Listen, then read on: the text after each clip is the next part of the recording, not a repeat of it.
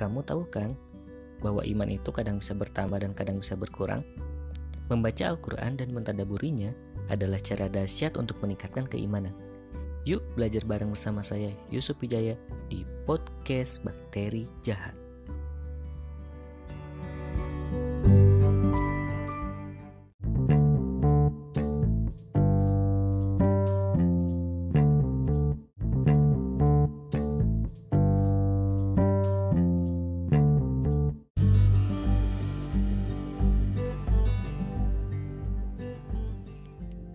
Assalamualaikum warahmatullahi wabarakatuh.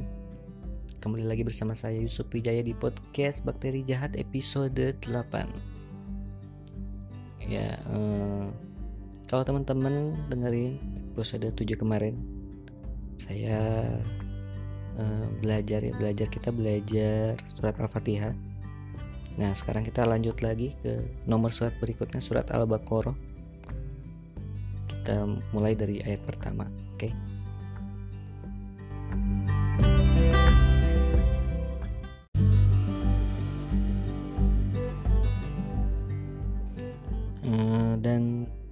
Tidak lupa juga acara ini dipersembahkan oleh Tokopedia. Belanja apa aja, kapan aja, di mana aja, cuma di Tokopedia.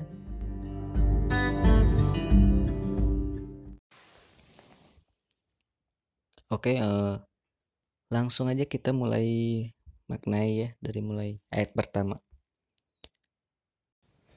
A'udzubillahi minasyaitonirrajim.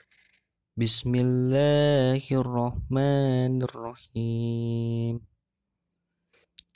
Alif lam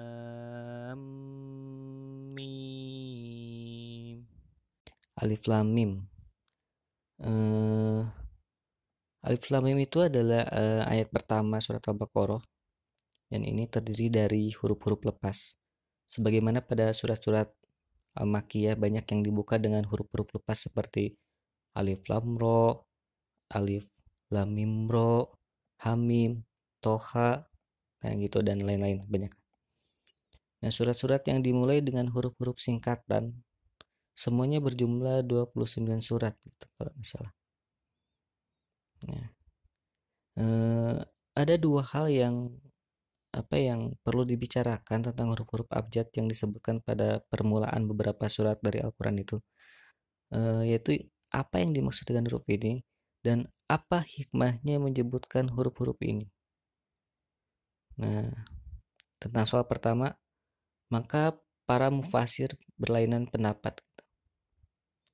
Yang pertama uh, ada yang menyerahkan saja kepada Allah.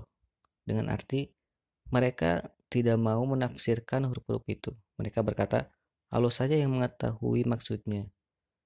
Nah, mereka menggolongkan huruf-huruf itu ke dalam golongan ayat-ayat mutasyabihat. Terus ada juga nih yang kedua, ada yang menafsirkannya, mufasir yang menafsirkannya ini berlain-lain pula pendapat mereka. Ada yang berpendapat bahwa huruf-huruf itu adalah isyarat, singkatan dari kata-kata gitu, umpamanya alif lam mim. Maka alif adalah singkatan dari Allah, lam singkatan dari Jibril, dan mim singkatan dari Muhammad. Yang berarti bahwa Al-Quran itu datangnya dari Allah, disampaikan oleh Jibril kepada Muhammad. Pada alif lam ro, alif singkatan dari ana, lam singkatan dari Allah, dan ro singkatan dari Ar-Rahman, yang berarti aku Allah yang maha pengasih. Terus ada juga nih yang berpendapat bahwa Huruf-huruf itu adalah nama dari surat yang dimulai dengan huruf-huruf itu. Terus ada ada ada banyak lah pendapat, ada juga yang berpendapat apa yang berpendapat bahwa yang dimaksud dengan huruf-huruf abjad ini adalah huruf-huruf abjad itu sendiri. Maka yang dimaksud dengan alif adalah alif, yang dimaksud dengan lam adalah lam, yang dimaksud dengan nun adalah nun dan begitu seterusnya. Huruf-huruf abjad itu untuk menarik perhatian gitu. Adalah ada juga ya pendapat kayak gitu. Ada mufasid yang berpendapat bahwa huruf-huruf abjad ini didatangkan oleh Allah pada permulaan beberapa surat Al-Quran untuk menarik perhatian. Memulai pembicaraan dengan huruf-huruf abjad adalah suatu cara yang belum dikenal oleh bangsa Arab pada waktu itu. Karena kan e, itu maka hal ini menarik perhatian mereka.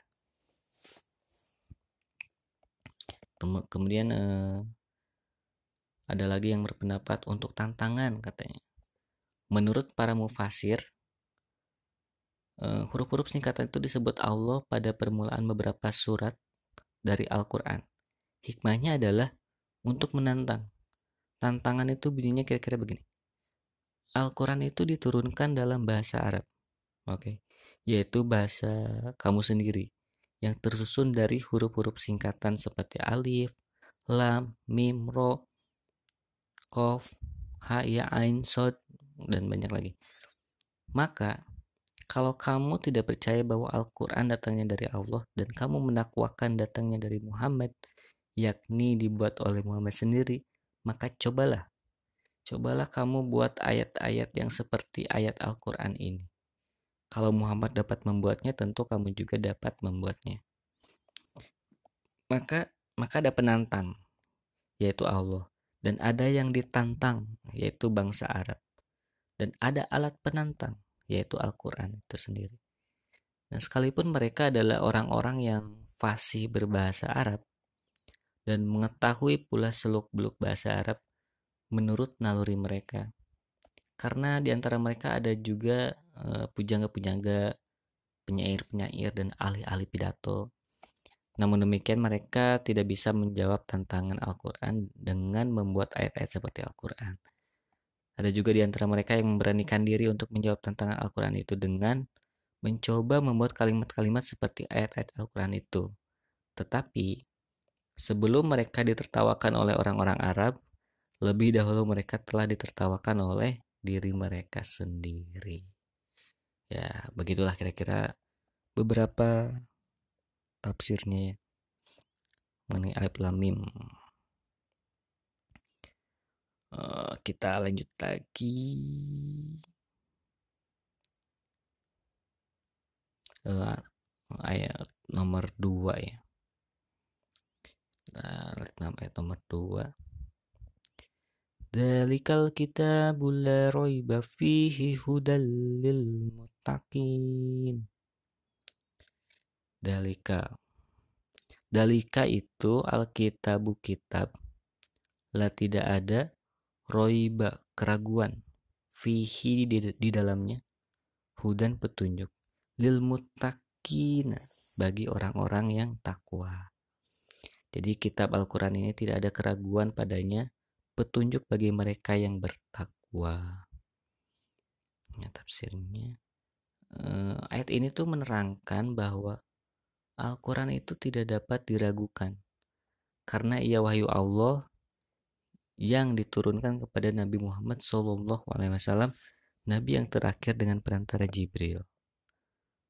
Dalam surat Asyura dikatakan, wa innahu latanzilu rabbil alamin nazala bihir ruhul amin dan sungguh Al-Quran ini benar-benar diturunkan oleh Tuhan seluruh alam yang dibawa turun oleh Ar-Ruh Al-Amin atau Jibril. Nah, yang dimaksud Alkitab atau wahyu di sini ialah Al-Quran. Disebut Alkitab sebagai isyarat bahwa Al-Quran harus ditulis. Karena itu Nabi Muhammad SAW memerintahkan para sahabat menulis ayat-ayat Al-Quran. Al-Quran merupakan bimbingan bagi orang yang bertakwa, sehingga dia berbahagia hidup di dunia dan di akhirat nanti. Orang-orang yang bertakwa ialah orang-orang yang memelihara dan menjaga dirinya dari azab Allah dengan selalu melaksanakan perintah-perintah Allah dan menjauhi larangan-larangannya. Di antara tanda-tanda orang yang bertakwa ialah sebagaimana yang tersebut pada ayat-ayat itu ya itu keterangan nomor dua ya. Ayat-ayat nomor dua. Eh, lanjut lagi kita ke ayat nomor tiga. الذين يؤمنون بالغيب ويقيمون الصلاة ومما رزقناهم ينفقون Aladina orang-orang yuk minuna beriman. Bil goibi dengan yang goib. Wa muna dan mereka mendirikan as-solata pada solat. Wa dari sebagian dari apa? Rojakonahum yang telah kami beri rizki kepada mereka. Yunfikuna mereka menafkahkan. Yaitu mereka yang beriman kepada yang goib melaksanakan sholat dan menginfakkan sebagian rezeki yang kami berikan kepada mereka. Nah, pertama, beriman kepada yang goib. Nah, ini termasuk di dalamnya beriman kepada Allah dengan sesungguhnya. Menundukkan diri serta menyerahkan sesuai dengan yang diharuskan oleh iman itu. Tanda keimanan seseorang ialah melaksanakan semua yang diperintahkan oleh imannya itu. Goib ialah sesuatu yang tidak dapat dicapai oleh paca indera. Pengetahuan tentang yang goib itu semata-mata berdasarkan kepada petunjuk-petunjuk Allah Subhanahu wa taala. Karena itu, telah beriman kepada Allah, maka kita beriman pula kepada firman-firman dan petunjuk-petunjuknya. Termasuk yang goib, ialah Allah, para malaikat, hari kiamat, surga, neraka, masyar, dan sebagainya. Pangkal iman kepada yang goib ialah iman kepada Allah Subhanahu wa taala. Iman kepada Allah adalah dasar dari pembentukan watak dan sifat-sifat seseorang manusia agar ia menjadi manusia yang, yang sebenarnya gitu, sesuai dengan maksud Allah menciptakan manusia. Nah, dalam surat Al-Baqarah sendiri dari ayat 138 gitu kalau nggak salah. Sabgotallah wa man ahsanu minallah sibgota wa nahnu lahu abidun. Sibgoh Allah Siapa yang lebih baik sibgohnya daripada Allah dan kepadanya kami menyembah. Nah, iman itu membentuk manusia menjadi makhluk individu dan makhluk yang menjadi anggota masyarakat.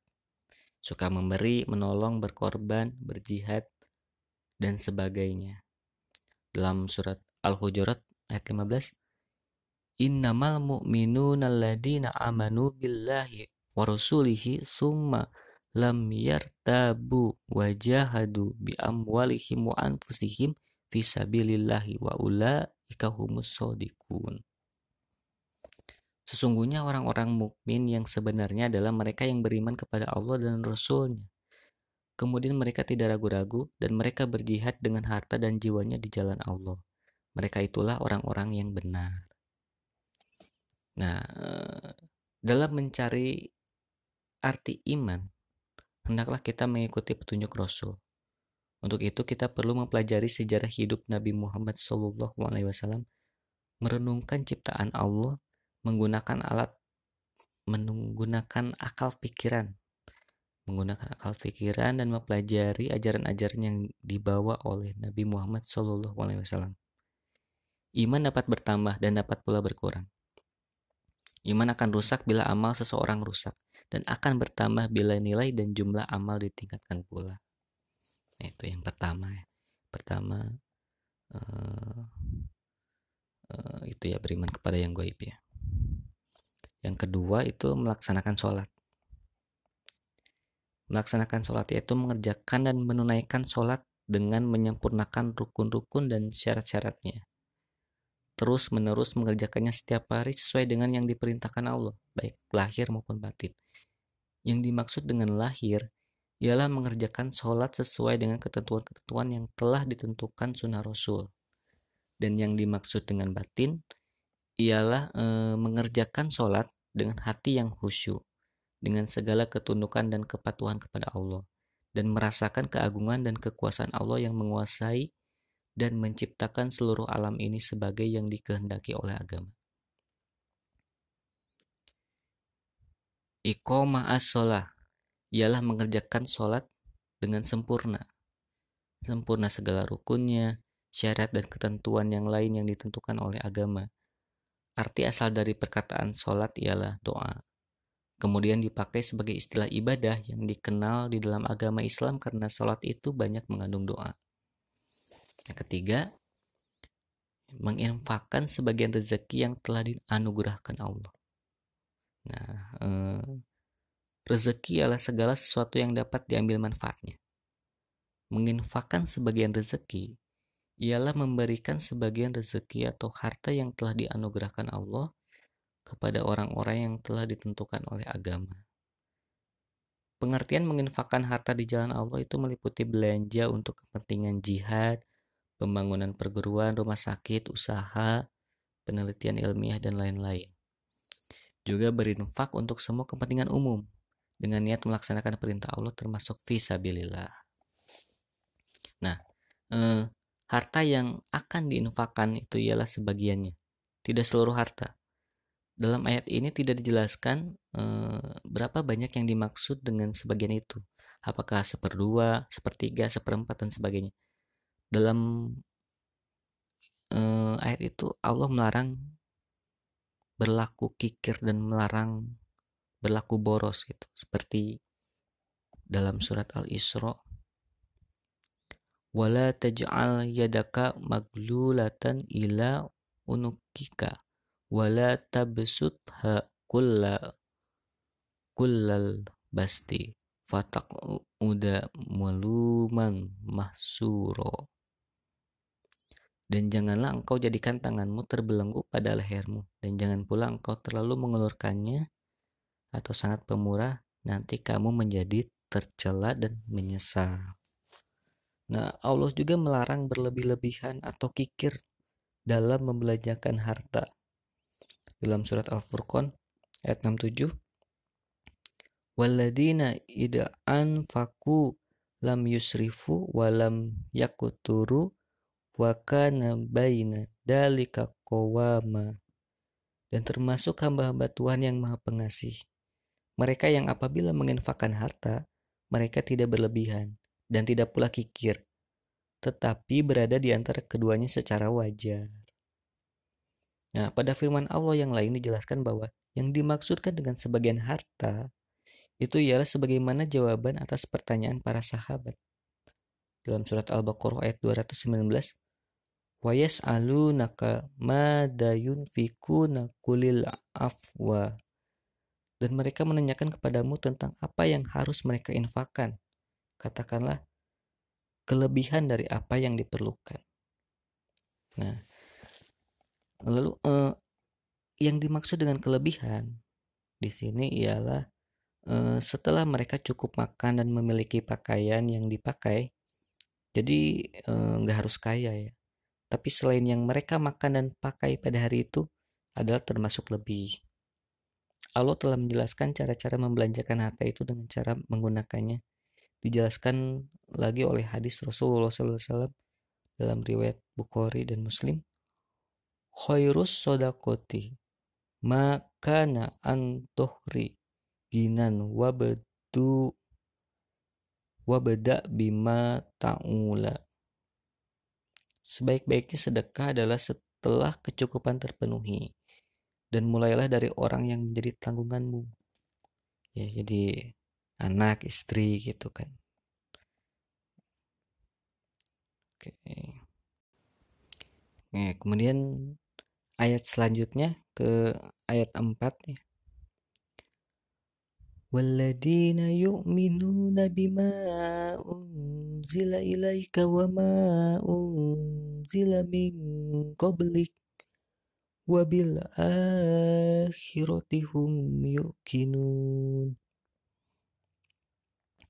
Kenanya uh, waladina dan orang-orang yu'minuna yang beriman bima pada apa-apa unzila yang diturunkan ilaika kepadamu wama dan apa-apa unzila yang diturunkan mingkoblik dari sebelum kamu.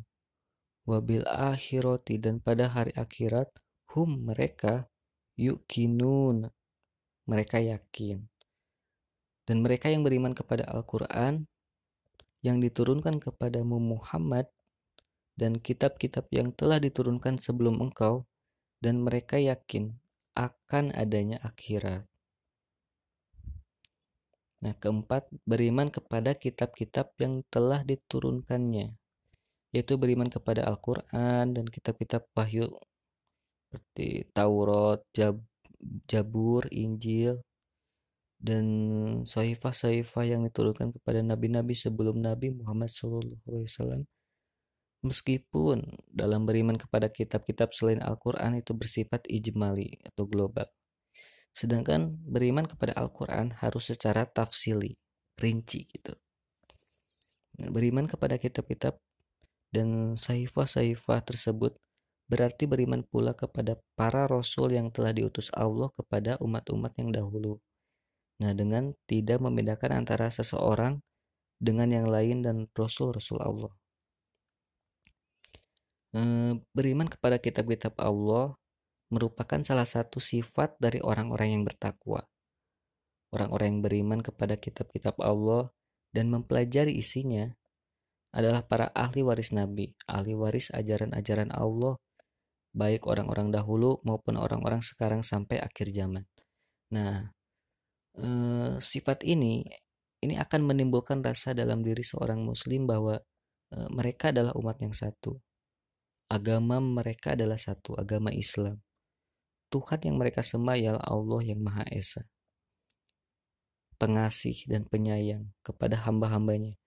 Nah, sifat ini akan menghilangkan eksklusivisme atau sifat berbeda dalam diri seorang muslim, yaitu meliputi semua sifat sombong, tinggi hati, fanatik golongan, rasa kedaerahan dan perasaan kebangsaan yang berlebihan.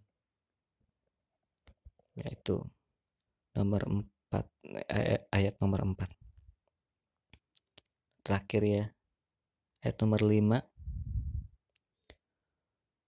ulaika ala hudam mir rabbihim wa ulaika humul muflihun. Ulaika mereka itu ala atas hudan petunjuk mirrobbihim dari Tuhan mereka. Wa ulaika dan mereka itu humul muflihun. Mereka orang-orang yang beruntung.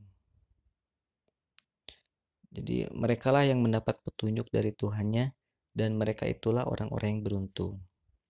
Nah kelima beriman kepada adanya hari akhirat. Hari akhirat itu lawan dari dunia Akhirat ialah tempat manusia berada setelah dunia ini lenyap. Beriman akan adanya akhirat ialah benar-benar percaya adanya hidup yang kedua setelah dunia ini berakhir. Orang-orang yang mempunyai sifat yang lima di atas adalah orang-orang yang mendapat petunjuk dan bimbingan Allah. Dan merekalah orang-orang yang akan merasakan hasil iman dan amal mereka di akhirat nanti.